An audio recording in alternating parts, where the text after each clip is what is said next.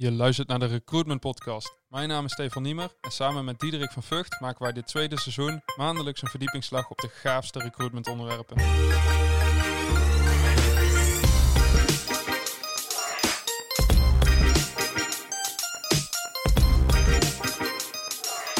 Vandaag gaan we het hebben over de referral recruitment. eh, samen met Bianca en eh, Michael. Leuk dat jullie hier zijn. Zouden jullie elkaar, el- ja, elkaar of misschien jezelf willen Ja, voorstellen? dat zouden we niet doen. Hè? Nee, we gaan onszelf uh, voorstellen. Ga ik eh, eerst of eh, ga jij eens, Ladies Michael? first. Ik ga altijd eerst, hè, als we voorstelrandje doen. Eh Bianca Pervos. ehm, ik heb eh, twee bedrijfjes, Recruiter Omgekeerd en Personamaken.nl.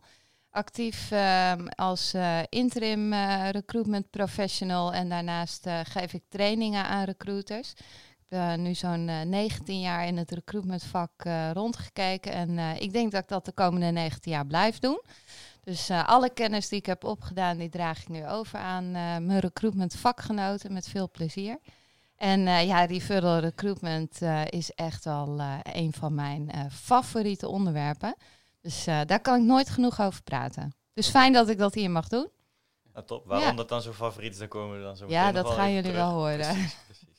Nou ja, Michael Bout. ehm, ik zit inmiddels alweer twintig jaar eh, in het recruitmentvak. Ben heel erg per ongeluk vanuit de marketing, e-commerce eh, in het vak gerold. Ik dacht altijd dat het een enorm nadeel eh, zou zijn, maar dat bleek achteraf een mega voordeel. Ja, zeker. En ehm, ja, de afgelopen jaren heel erg gespecialiseerd in het helpen van organisaties om via in- en externe ambassadeurs toekomstige vaste en tijdelijke medewerkers te werven. Nou, ontzettend gaaf dat jullie vandaag helemaal hierheen gekomen zijn om al jullie referral kennis met ons te delen. En eh, helemaal Bianca, die voor de tweede keer is. Dat is helemaal ontzettend tof. Eh, laat ik maar meteen met de deur in huis vallen. Wat is volgens jullie referral recruitment? Ja, referral recruitment. eh, wij willen inderdaad altijd graag even de definitie helder hebben voordat we verder gaan praten. Want dan weet ook iedereen waar we het ja, uiteindelijk over hebben, wat de uitgangspunten zijn. Ehm, in de volksmond wordt het wel via-via werving genoemd of collega werft collega. Nou, en dat dekt ook wel een groot deel van de lading. Een groot deel, want uiteindelijk gaat het er ook om dat je een eh, bijdrage van je medewerkers aan de werving gaat belonen. En dan kom je echt in een programma terecht. Ehm, en daarnaast ook gaat stimuleren dat je medewerkers dat gaat doen, gaan doen. Dus echt het activeren en eh, communiceren binnen referral recruitment. Dus ja, je kan eh, een, een mooi eh, programma opzetten, je kan een leuke aanbrengbonus hebben, maar zonder stimuleren, het activeren heb je eigenlijk geen eh, programma.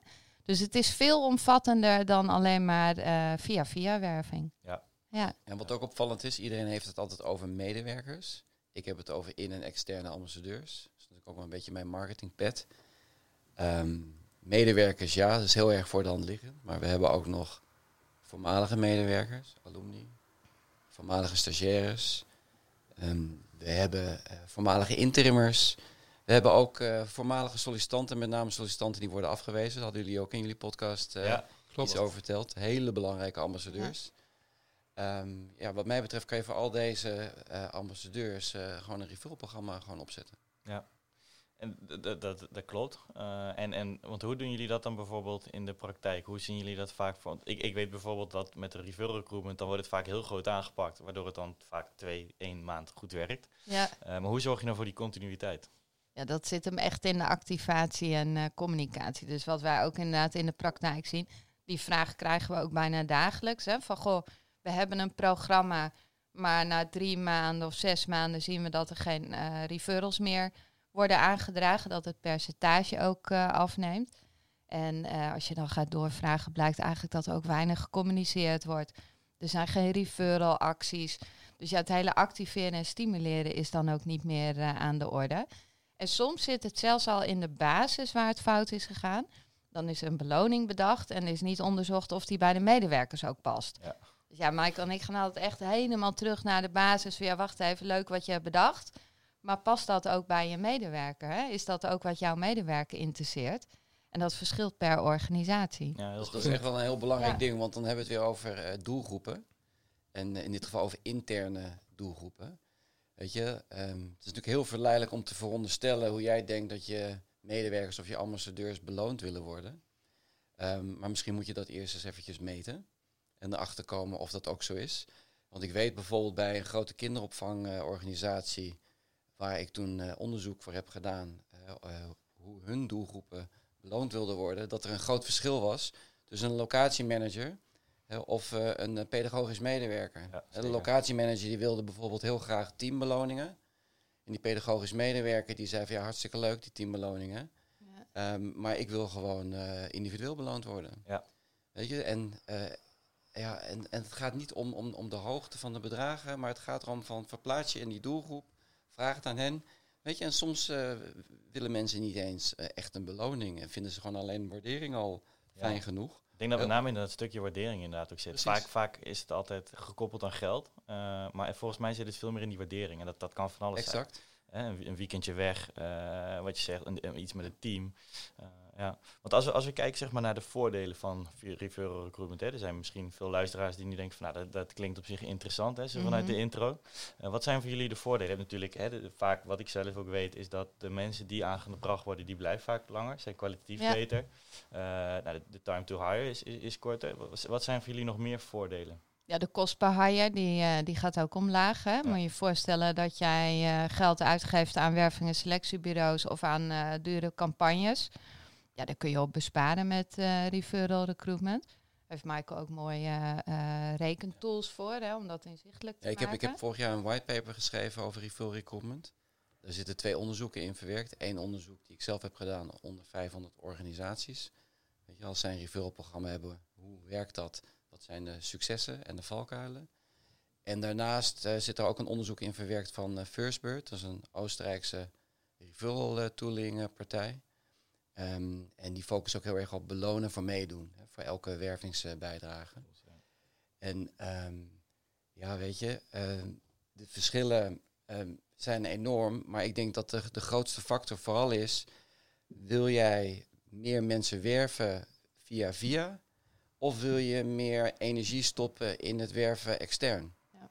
En, ehm, en het, uit, uit het onderzoek blijkt dus ook dat als je eh, medewerkers beloont... en dus waardeert voor elke wervingsbijdrage dat je minimaal eh, uiteindelijk 30% van al je toekomstige vast en tijdelijke collega's kan werven. Eh, maar de meeste organisaties, nee, dat zijn er zeker zo'n 95%, die belonen eigenlijk alleen met een geldbedrag voor een aangedragen kandidaat die wordt aangenomen. En dan krijgt de medewerker dat geldbedrag voor of na de proeftijd. Nou, dan kom je dus, en dat is ook uit dat onderzoek gebleken, ehm, eigenlijk nooit boven de 15% aan hires via referrals. Uiteraard zijn er uitzonderingen, maar dit is echt wel een eh, gemiddelde. Dus Ja. pak het goed aan en dan zal je zien dat je en enorme kosten bespaart en veel meer mensen gaat werven. En de kwaliteit van die medewerker, dat is volgens mij uiteindelijk misschien nog, nog belangrijker. Ja. Ja, Want de voorkennis die een medewerker heeft over iemand uit zijn of haar eigen netwerk, over die persoon, ja, die heeft niemand, die heeft geen enkele recruiter. Nee, precies. En Ja. je zal ook nooit een, een, iemand aandragen waarvan je weet van ja, het is kwalitatief niet goed, want die komt Nee. toch bij Nee, niet team te Nee. werken. Ja. Of die gaat niet passen in onze cultuur, die zie ik er niet rondlopen. Dus die, die selectie aan de voorkant is al Ja. veel meer geweest. Want wat jij zegt, dat vind ik wel interessant. Ik, ik denk dat namelijk net zo over. Dat wat je vaak ziet is dat alleen, hè, dan moet iemand eerst door de proeftijd eh, heen Ja. komen en dan Ja. pas krijg je die bonus Ja. of het weekendje weg of wat dan ook. Maar dat is een enorme drempel die je opwerpt om Zeker. überhaupt in aanmerking te komen. Maar weet je wat je dan eigenlijk zegt tegen je medewerker? Die een kandidaat heeft aangedragen en moeite heeft gedaan voor jouw organisatie. Jij bent verantwoordelijk. Ja. Je krijgt alleen maar een beloning als die kandidaat ook echt goed genoeg blijkt te zijn. Precies, Nou, precies. dat, dat kan Ja. gewoon niet. Nee, eens. Als je begint bij een organisatie, Bianca, is Ja. refill recruitment dan een van de eerste dingen die je aanpakt ook? Omdat je het zo belangrijk vindt? Ja, vanuit mijn interimwerk heb ik dat wel altijd eh, gedaan, omdat ik zie wat voor effect het eh, heeft. En uiteindelijk ehm, het leven van ons eh, als recruiters willen we ook makkelijker maken. Dus je zet alle kanalen in, je kijkt naar marketing, maar je kijkt ook naar je eigen werving via medewerkers.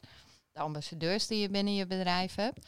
Dus dat is voor mij wel een van de eerste dingen om, eh, om op te pakken. Yes. Ik kan me niet voorstellen dat ik het niet zou eh, doen. En, en ik, ik, ik merk ook dat, ja, welk bedrijf staat hier nou niet positief tegenover? Ja. iedereen vindt dit hartstikke tof en iedereen wil zijn eigen mensen wel eh, belonen en waarderen. Ja, precies. Ik kan me ook voorstellen dat je als werkgever liever een van je medewerkers beloont met een, eh, met een leuk bedrag, als dat je het geld uitgeeft bij een werving- en selectiebureau.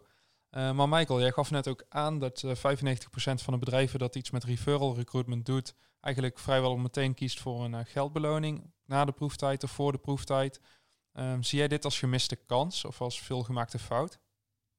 Niet per se fout, weet je, want als je überhaupt een referral programma in je organisatie hebt, dan vind ik dat je het uh, al in de basis al goed doet. Hè, want dan is het onderdeel van, uh, van, je, van je wervingsstrategie. Maar ja, als je dan vervolgens van die 5 of 10 of 15 procent hires via referrals naar 30 procent of hoger wil, ja, dan uh, moet je toch echt anders gaan aanpakken. Gaan doen. Ja. Dat is misschien meteen een mooi bruggetje, want waar beginnen we? Als we als we bij een organisatie zijn en we hebben misschien, ja, waar begin je met referral? referral nou, als je, als je nog geen uh, programma hebt of je hebt een programma wat uh, niet het gewenste resultaat oplevert, dan moet je beginnen met je stakeholders en kijken wie zijn hier allemaal bij betrokken, wie heb ik erbij nodig. Um, hè, is iedereen aan boord om hier wat mee te gaan doen? Dan begint uiteindelijk daar, hè, dus toch een stukje lobbyen wat je dan eerst gaat uh, doen. En uh, daarnaast kun je natuurlijk al wel beginnen met de volgende stappen, de spelregels, de bonus. Uh, hoe ga je het proces inrichten? Maar uiteindelijk moet je wel eerst zorgen dat je stakeholders uh, mee hebt. Kijk, wat wel helpt ja. is dat er brand is.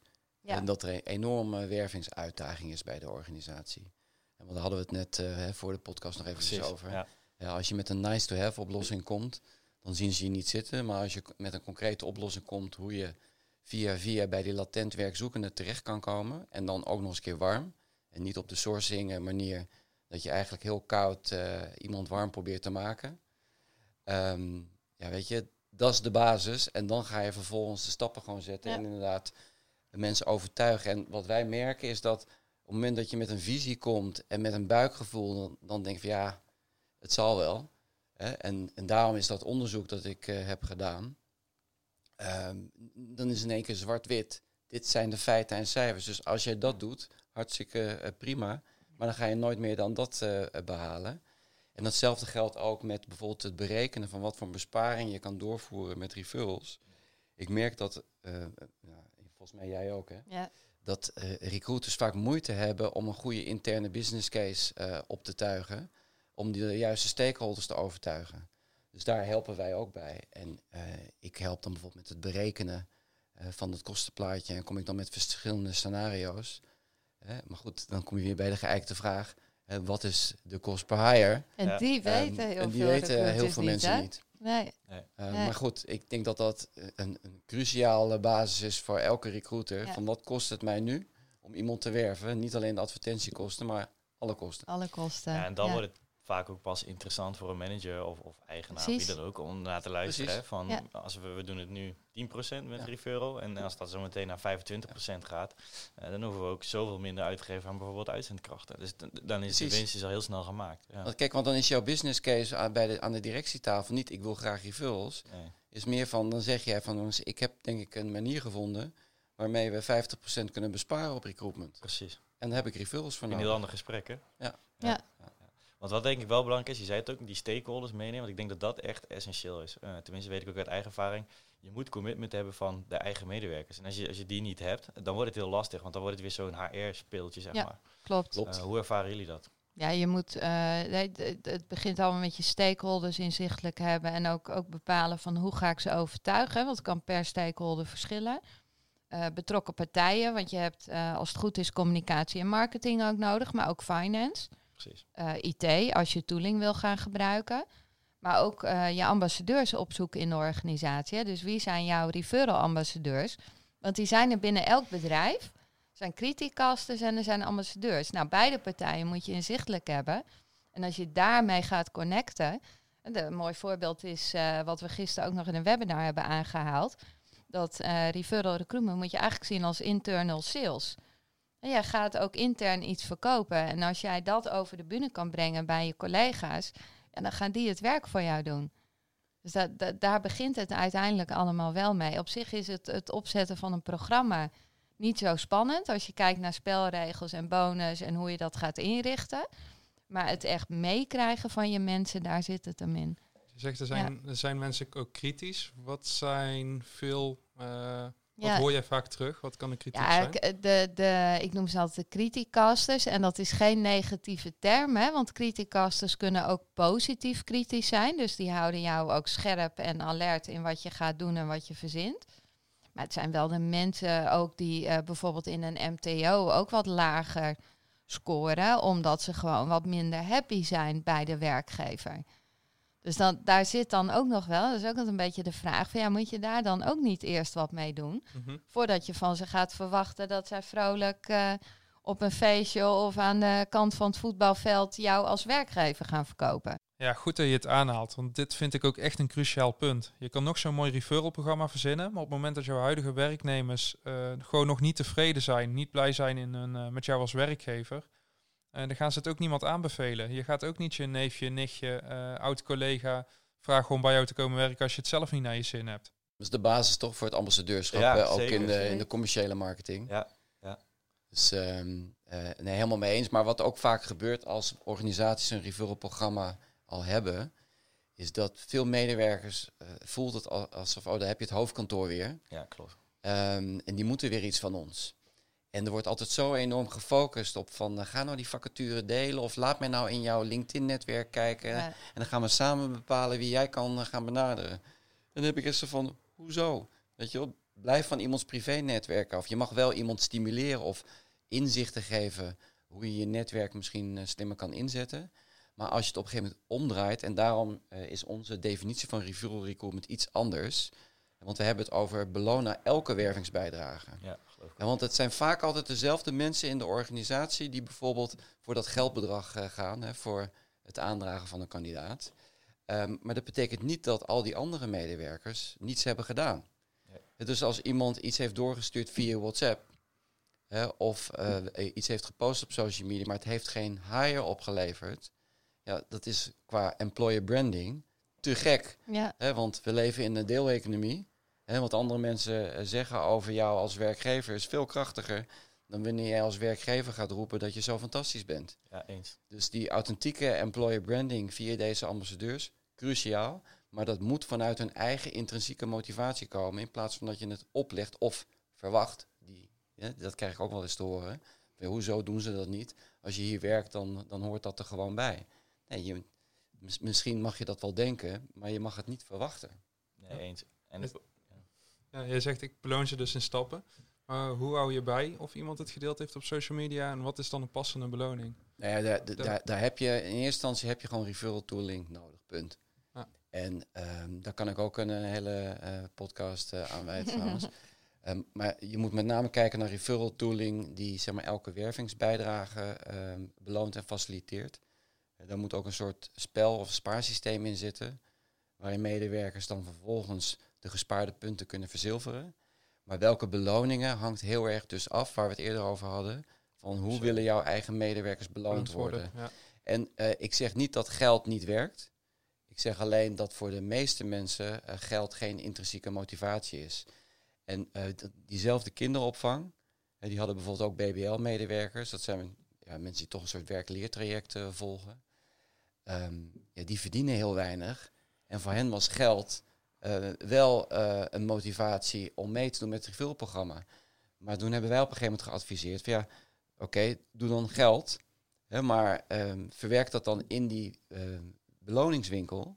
Dat mensen wel punten moeten sparen voordat ze die geldbeloning eh, Ja. k- eh, kunnen verzilveren. Ja. Dus dan zit die focus niet zo. Je krijgt alleen maar geld wanneer iemand wordt aangenomen. Nee, je, je, je kan dat geldbedrag krijgen als je ehm, meer hebt gedaan. Ja. En waar in dat proces maakt niet uit. Dus eh, weer, ja, probeer eerst je interne doelgroep eh, goed in kaart te brengen. Ja, daar heb ik nog wel een mooi eh, voorbeeld bij. Ook hoe je dat zonder tooling kan doen. Hè? Want tooling vraagt wel een budget en investering. Dus je moet daar ook een bepaalde omvang voor hebben. Ik heb ook bij een klant gezien dat op een gegeven moment... Het hadden op zich een prima nou, programma, aanbrengbonus zou ik het liever noemen. Maar er was een hoog bedrag wat werd uitgekeerd. En eh, het aantal referrals nam af. En toen ben ik onderzoek gaan doen. Ik gewoon met mensen in gesprek gaan van... Goh, wat maakt dat je het afgelopen half jaar niemand meer hebt aangedragen en voorheen wel? Of waarom heb je nog nooit iemand aangedragen? En toen kwam ik ook achter dat juist het feit dat ze niet werden beloond voor elke stap, En dat alleen maar bij de hire een heel hoog bedrag werd uitgekeerd. Terwijl ze ondertussen op feestjes overal aan het promoten waren. cv's aandroegen. Soms ook iemand werd uitgenodigd. Ja, ze kregen nooit een beloning ervoor. En toen hebben we gekozen voor eh, opknippen in drie stappen. Daar maak je het ook wat laagdrempeliger mee. Dus voor het aandragen van cv krijg je punten. Komt iemand op gesprek krijg je punten. Komt iemand dan ook nog in dienst, dan krijg je nog weer punten. En als je een x aantal punten hebt, mag je verzilveren. En krijg je dus dat geldbedrag. Nou, en daarmee konden medewerkers ook met alleen al aandragen van cv's, konden ze een beloning verdienen. En die cv's, die hadden wij heel hard nodig bij recruitment. Want daar hadden we misschien vandaag geen vacature voor. Maar we wisten wel van ja, er komt weer een moment dat we die mensen nodig hebben. Dus onze medewerkers waren eigenlijk de talentpool aan het vullen. Precies. en, en we hadden daar ook geen uh, budget om met tooling te gaan werken. De omvang was ook niet groot genoeg om met tooling te gaan werken. En toen hebben we wel um, uh, het ingericht dat je een apart mailadres hebt waar alles op binnenkomt. Twee mensen in het team die daar verantwoordelijk voor zijn. En in Excel zijn we dat keurig gaan bijhouden en natuurlijk in het uh, ATS. Dus ja, het kan ook zonder tooling. Maar op het moment dat je heel veel referrals zou hebben, wat je natuurlijk graag wil, ja, dan komt er ergens wel een kantelpunt. En ook als je veel vacatures hebt. Dus het, is, het, het, kan, maar op een gegeven moment, als het goed is, ga je natuurlijk een keer die tooling heel hard nodig hebben. Want kijk, en volgens mij hebben jullie dat ook wel eens gezegd, hè, dat als je die latent werkzoekende wil bereiken, dan moet je de drempel super laag houden. Ja. Hè, dat mensen kunnen reageren of interesse kunnen tonen. Nou, die drempel moet ook heel laag gemaakt worden voor ambassadeurs om mee te doen met het programma.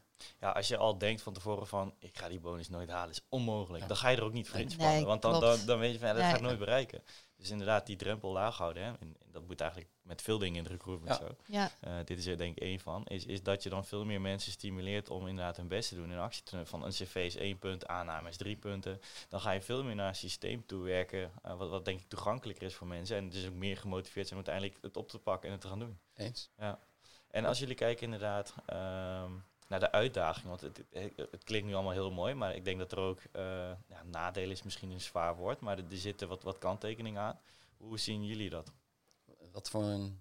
Nou ja, bijvoorbeeld als je kijkt naar uh, diversiteitsbeleid, hè, ik noem maar wat. Als jij een organisatie hebt waar heel veel oudere mannen zitten, dan is de kans groot dat daar heel veel oudere mannen worden aangedragen. hoe, hoe gaan jullie daarmee om? Hoe, hoe voorkom je inderdaad dat, dat je toch nog divers uh, blijft. Nee, weet je, het, ik denk dat het vooral afhangt van uh, dat je de spelregels goed uitlegt van het programma.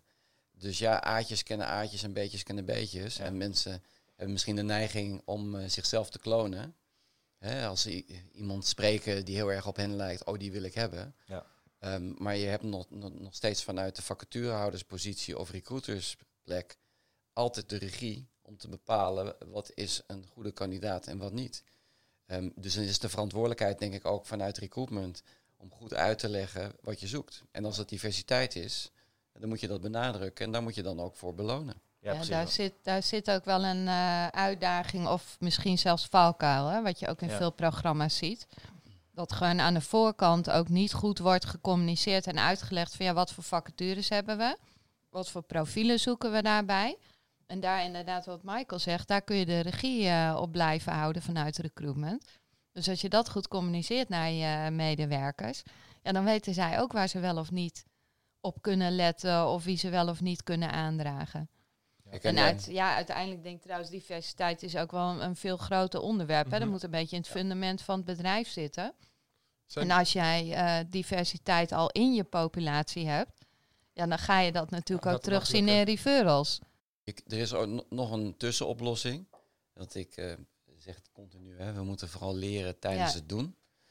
En um, als je kijkt bijvoorbeeld naar recruitment marketing hè, en uh, campagne voeren en doelgroepen bereiken. Um, ja, dat is met um, refill recruitment niet anders. Alleen dan zijn jouw doelgroepen intern. dus daar moet je ook campagne voeren.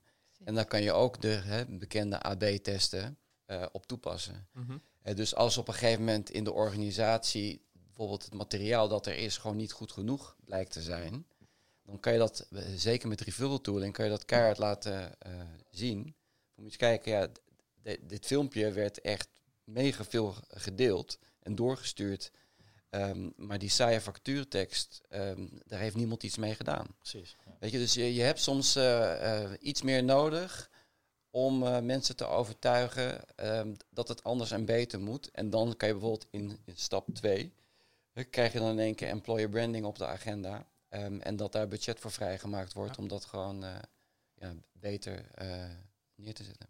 Duidelijk. Je gaf ook aan in het begin, want we ook nog even naar terugpakken. eh, voor mij is referral recruitment ook wel externe ambassadeurs. Ja. En misschien zelfs nog wel, kon nog meer bij kijken. Kunnen we daar nog even naartoe? Want dat vind ik ook wel interessant. Nou ja, ook weer in jullie podcast waarin jullie zelf aan het woord zijn. Ehm, en dan mag jij weer, Bianca. Ehm, eh, ik heb ook door de jaren heen de tevredenheid gemeten van sollicitanten die niet voor een gesprek worden uitgenodigd en dus worden afgewezen. Ja. Een van de eh, partijen waar we dat jaren voor hebben gedaan is de NH Hotelgroep.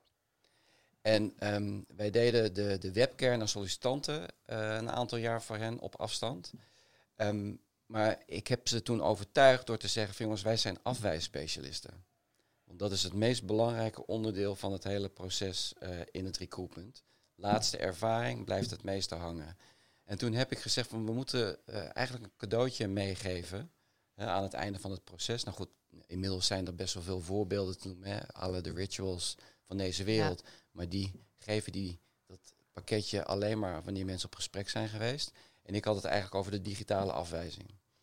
Ehm, en toen hebben we op een gegeven moment hen overtuigd om een speciale kortingscode mee te geven in de afwijsmail. Als bedankje voor de tijd en energie die ze in de sollicitatie hadden gestopt. Heeft me wel een jaar geduurd om de marketingmanager te overtuigen dat we dat moesten doen. Ehm, maar die brug van of het nou referral recruitment is eh, of sales voor je organisatie. ehm, die ambassadeur, ja, die heeft meer petten op en die kan je eh, triggeren. Maar je moet dat faciliteren en gewoon dingen uitproberen. Kijken of het werkt of niet. Ja. En dus eh, ja, afgewezen sollicitanten zijn zeker eh, interessante eh, ambassadeurs voor je referralprogramma.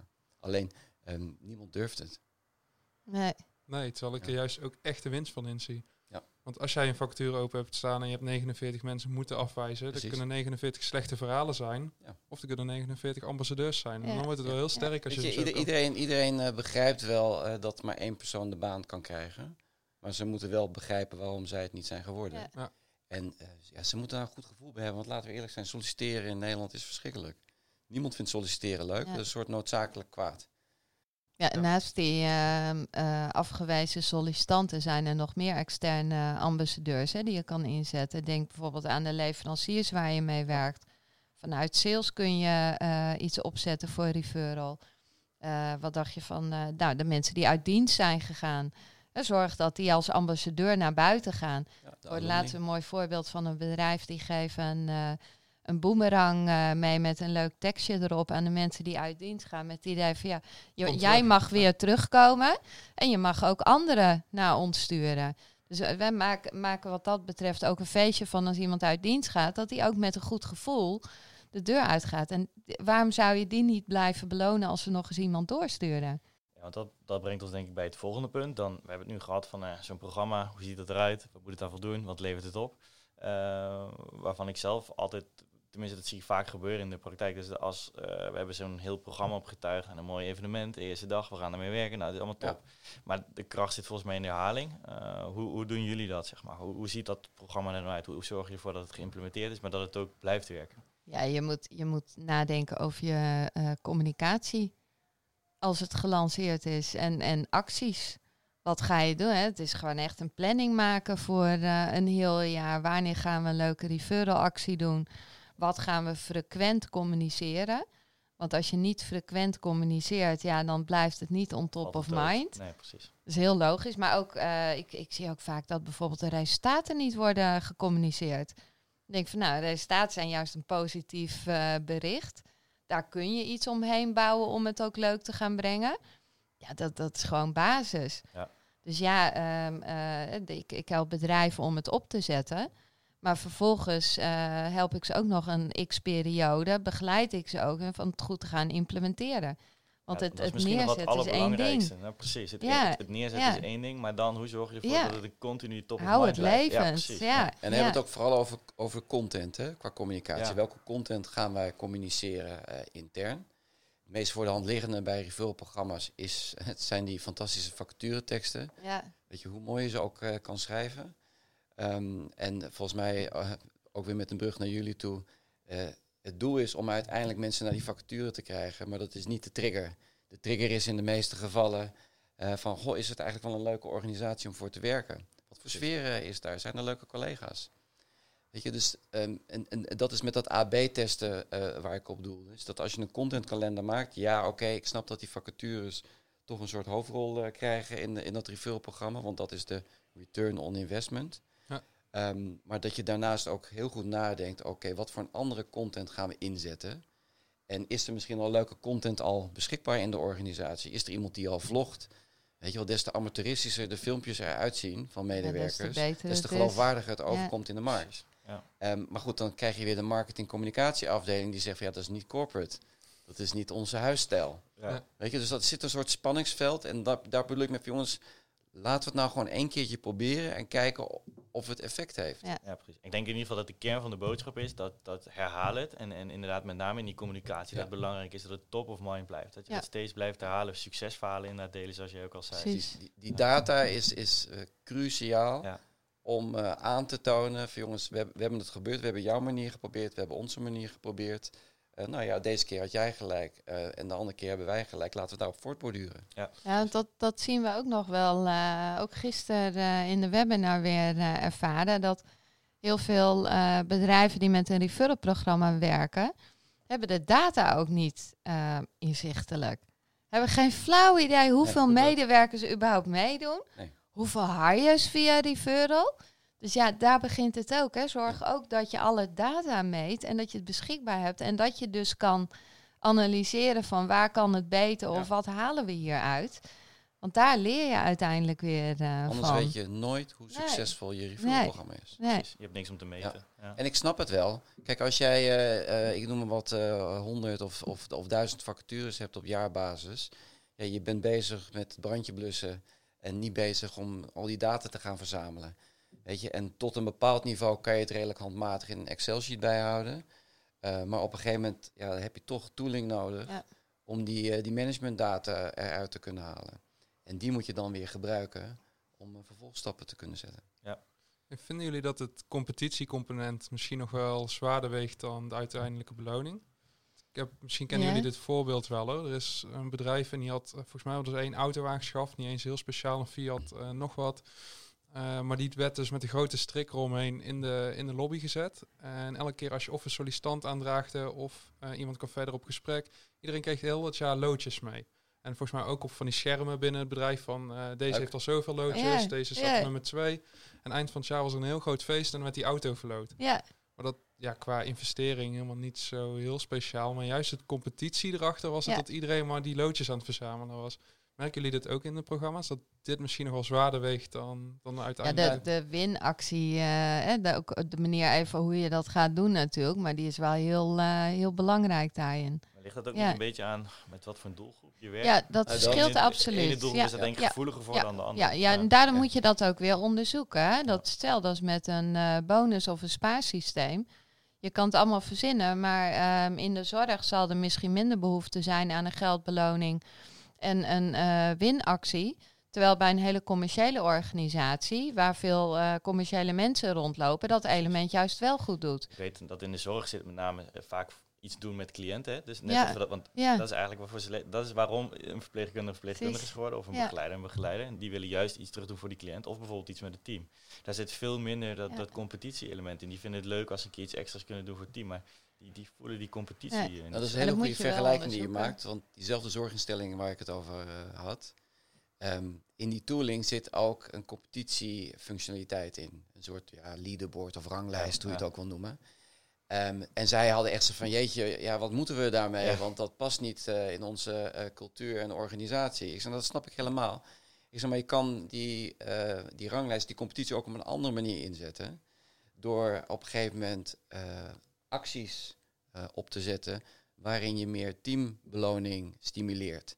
Maar dan is het wel handig dat jij weet, eh, bij mijn team eh, op die afdeling, die locatie, eh, wie, wie- welke collega's actief bezig zijn. Precies. Dus de opdracht is, oké, we hebben nu deze actie.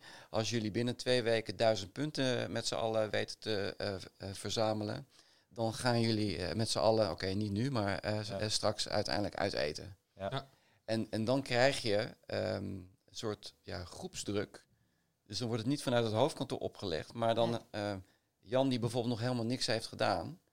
ehm, terwijl eh, het team nog maar 20 punten verwijderd is van het eh, uitje. Die gaat dan op een gegeven moment tegen Jan zeggen, want ze kunnen dat in die ranglijst kunnen ze dat zien. Van, hé hey Jan, eh, je hebt nog niks gedaan. Ja, vraag je buurman Ehm, eens. kom eh, op, eh, doe Ja. ook eens wat, eh, want dan kunnen we met z'n allen uit eten. Ja. Weet je, dus Ja, je Er zijn kan daar leuke wegen dingen die mee doen. Ja, ik heb wel eens een referral sessie georganiseerd. En dan hadden we zoveel aanmeldingen dat ze zeiden we maken twee teams. En dan eh, gaan die twee teams tegen elkaar eh, strijden, zeg maar. Om zoveel mogelijk eh, ja, potentiële kandidaten te traceren in hun netwerk. En ehm, wa- wa- het was ook een beetje een uitprobeersel voor ons hè, vanuit recruitment. Gaat dat werken? Nou, ik kan je vertellen, het was echt, de spanning was om te snijden. Er zat een team in het, eh, in het eh, restaurantgedeelte en een team in een eh, vergaderzaal. En, en wij mochten ze ook niet storen, want ze wilden winnen. Ja, het winnende team kreeg meer punten. Op dat moment heb je dus gewoon misschien wel 40 recruiters voor je werk. hè? Echt Heel bizar. gaaf. Ja. dat is echt heel erg leuk. Ja, Want eh, ik, ik kijk met een schuin oog ook naar de Ja, tijd. ja, ook En eh, we, we- we zijn al ruim eh, over het half uur in. Het gaat echt heel snel. Wat we doen, altijd doen zijn die drie tips eh, om eigenlijk een soort van afsluiting. Hè? Dus Mhm. waar moet je nou op letten? Wat, wat zijn de drie tips die jullie zouden willen meegeven? Nou, ik zeg, eh, trap maar af. eh, ja jij kijkt mij Ja. aan, eh, Diederik. Ja, dus, ladies first, hè? Ladies en, first, en ik denk nu van, ja, ik weet dat jullie dat doen, maar ik heb het helemaal niet voorbereid. Ja, heel, des te beter. Ja, maar dat geeft niet, want ik heb wel eh, tien tips. Dus ik ga gewoon eh, heel spontaan doen wat in me opkomt. Nou, allereerst eh, doe onderzoek. Dat, dat is echt, eh, zie ik dat dat vaak eh, niet gebeurt. Dus eh, doe onderzoek naar wat jouw medewerkers willen en wat goed eh, bij ze past. Ehm, als tweede ga eh, ja, ervaring ophalen bij anderen. Want je kan leren van anderen. eh, van de fouten die anderen hebben gemaakt, maar ook de dingen die anderen goed hebben gedaan. En eh, als derde begin dus wel met dat lobbyen binnen je organisatie. Dus loop niet weg voor die ingewikkelde of moeilijk doen eh, stakeholder. eh, maar kijk hoe je hem wel mee kan krijgen. Of zij, hè, dat kan ook. En zij kan ook ingewikkeld doen. Maar ga daar niet voor weglopen. Ga het vooral doen. Nou, Zit ik op drie, hè? ik ben aan het proberen te tippen. Het is al aardig, eh, het gras is aardig Het voelt bijna alsof het onze eh, drie tips zijn. hè. Ehm, nou, voor mij nu, op nummer één, eh, beloon elke wervingsbijdrage. Ja, Dat is Echt goeie, denk ik. ehm, dat kan ik niet vaak genoeg zeggen, want dat is iets wat bijna niemand doet. Ehm, en als je dat hebt gedaan en hebt georganiseerd, ehm, kijk dan ook heel erg goed eh, hoe je dat gaat meten en inzichtelijk gaat maken. Ehm, heel erg focus dat je wel duidelijke eh, afspraken ook maakt met, eh, met de directie. Hè, van, ik heb als doelstelling om binnen twee jaar minimaal 30% hires te gaan realiseren ehm, dankzij inzet van referrals. En op de derde plek, ehm, ja goed, dan praat ik natuurlijk wel een klein beetje in mijn eigen staartje, maar zonder goede referral tooling die een belonen van meedoen referral programma kan ondersteunen en dus ook al die data eh, kan eh, opbouwen die je nodig hebt om het succesvol te doen en te blijven doen en vooral ook te meten. Ehm, ja, dat is voor mij een no-brainer. Ik heb nog een bonus tip. Nou, top. Ja, die is echt... Ja, sorry. Maar Maar die komen. wil ik gewoon delen, want dat, ja, die is zo belangrijk. Ehm, hou het simpel. Ja. Echt, keep it short en simpel. Het KISS-principe, Ja. dat is echt, dat kunnen we niet vaak genoeg zeggen. Wat we vaak zien is dat spelregels, ja, dat, er komen de lappen tekst en uitzonderingen. En doe dat niet. Hou het simpel. En ook je bonusstructuur, hou het simpel. Ja, Dus dat, moet gewoon die moest ik makkelijk nog en even noemen. Zijn, ja, moet toegankelijk zijn. precies. Ik heb Ja. ook nog een bonus tip. Ja, joh? Nee, nee wat, ik, eh, wat ik wel eens mee heb gemaakt is ook dat ik, eh, dat ik dus in een organisatie kwam. En ja, waarom leeft dat referral niet? Dan hoor ik ook nog wel vaak terug van ja, eh, ik heb wel een keer iemand aangeleverd, maar ik heb er nooit meer iets van gehoord. Oh Of, eh, ja, killing. ja. Ja, Ja. daar ga je. Dat is Ja. ook al een hele belangrijke Ja. om juist die mensen op de hoogte te houden en, eh, en erbij te betrekken. Maar dat is ook die communicatie waar we Ja. het over had. Ja, dus je hebt de communicatie van content, maar vooral ook op de hoogte houden Ja, van de deelnemers eh, van het referral-programma. Volgens mij hebben de meeste organisaties allemaal wel een nieuwsbrief. Deel daar die successen in. ja. Hè? Dat is gewoon Ja. leuk. Een soort van Ja. tussenstandje. Inderdaad, Ja. als je dan toch met zo'n competitiemodel Ja. gaat werken, dat je daar een tussenstandje nog Ja. neemt. Ja, ja oké, top. Leuk, Dat was hem volgens Ja. mij. Ja? bedankt. Dankjewel. Dank jullie wel. Heel goed. Gaaf dat je hebt geluisterd naar onze recruitment podcast. Onze podcast is mede mogelijk gemaakt door onze podcastpartner Podcastpartner, door We Achieve Recruitment Marketing en door Recruitment Now. Vond je het nu waardevol en denk je dat het nog meer vakgenoten kan helpen? Vergeet het dan niet te liken, delen of een review te geven. Hopelijk zien wij jou aankomende maand weer.